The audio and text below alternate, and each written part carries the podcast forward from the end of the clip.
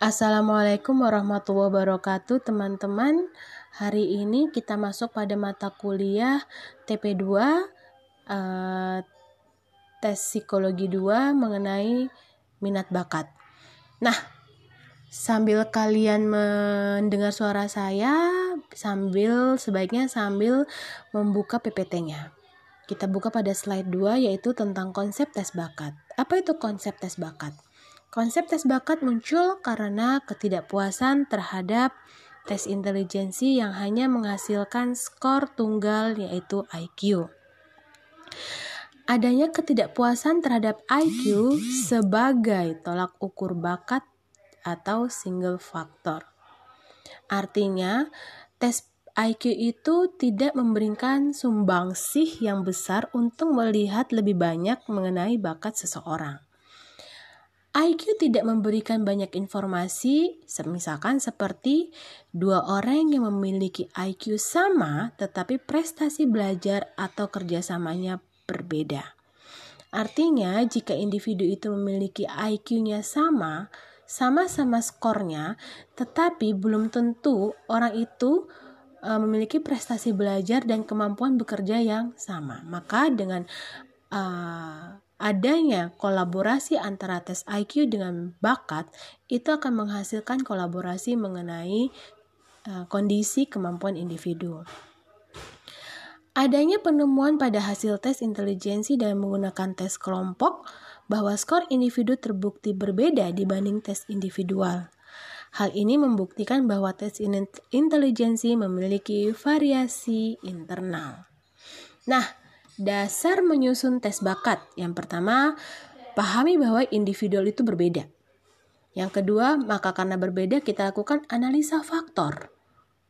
Analisa faktor itu ya tadi ya tes um, apa tes bakat ya ada tes bakat ada tes intelijensi gitu ya lalu kemudian kita lihat perbedaan profil kemampuan orang tersebut nah dengan demikian kita akan menemukan bakat dia titiknya pada uh, apa bidang apa gitu atau jurusan apa.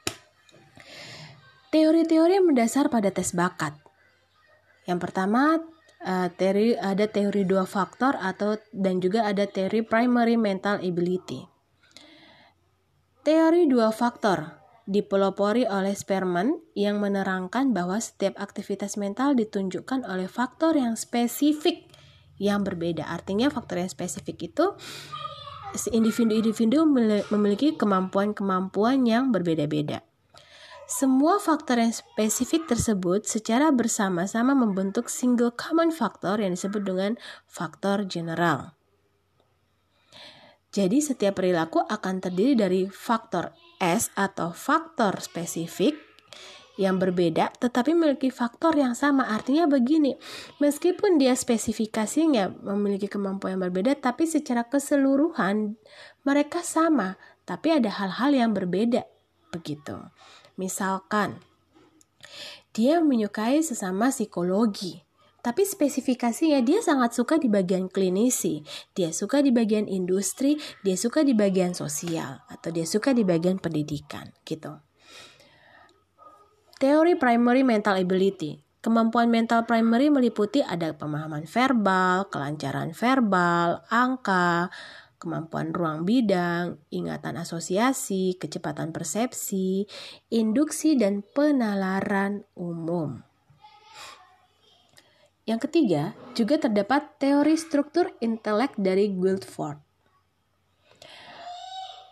Memandang intelijensi memiliki tiga dimensi yaitu operasi, isi, dan produk. Berdasarkan teori ini, setiap manusia memiliki 120 kemampuan. Guildford menyebutkan dimensi bakat meliputi persepsi atau kemampuan dalam melihat sesuatu lalu dipahami, dipersepsikan, psikomotor atau kemampuan gerak atau kemampuan mengikuti dalam sesuatu, sesuatu informasi yang dilihat lalu intelektual.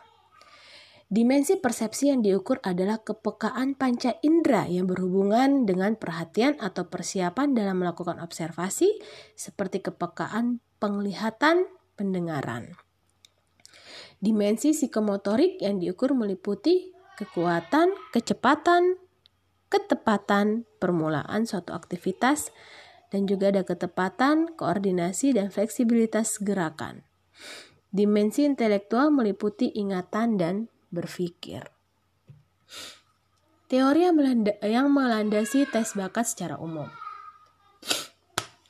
Berdasarkan teori multifaktor tersebut, disusunlah baterai tes yang memberikan rekomendasi untuk melakukan analisa diferensial seperti tes TAT, GATB, ke, apa FACT.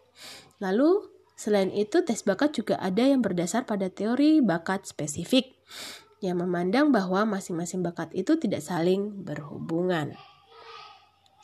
Nah, kita lihat faktor-faktor yang mempengaruhi perkembangan bakat.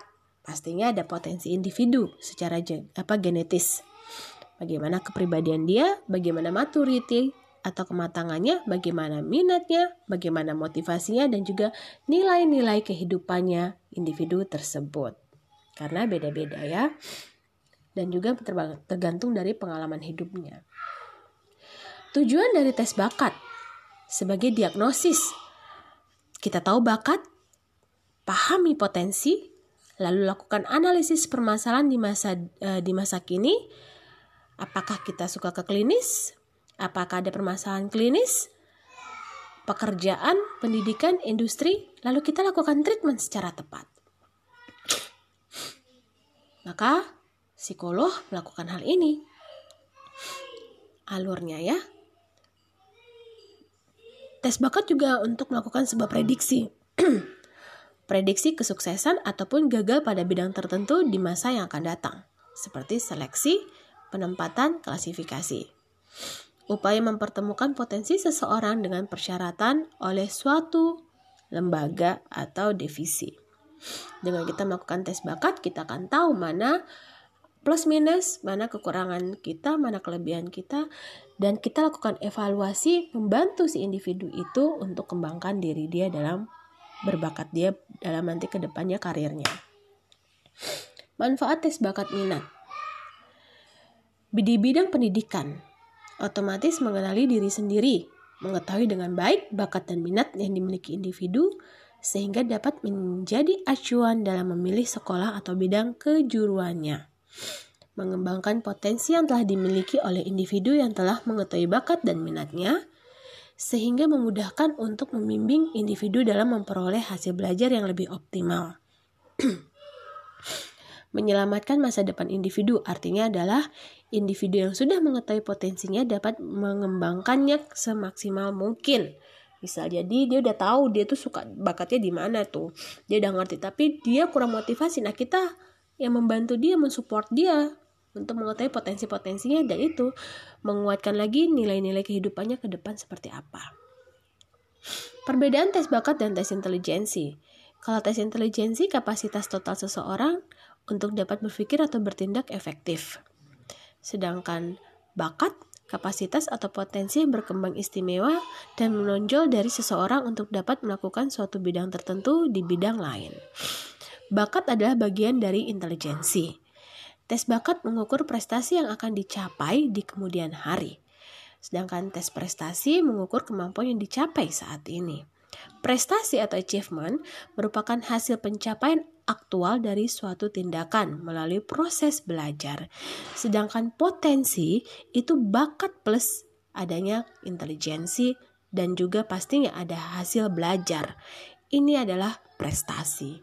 Demikian materi dari saya, silahkan dipelajari dan terima kasih.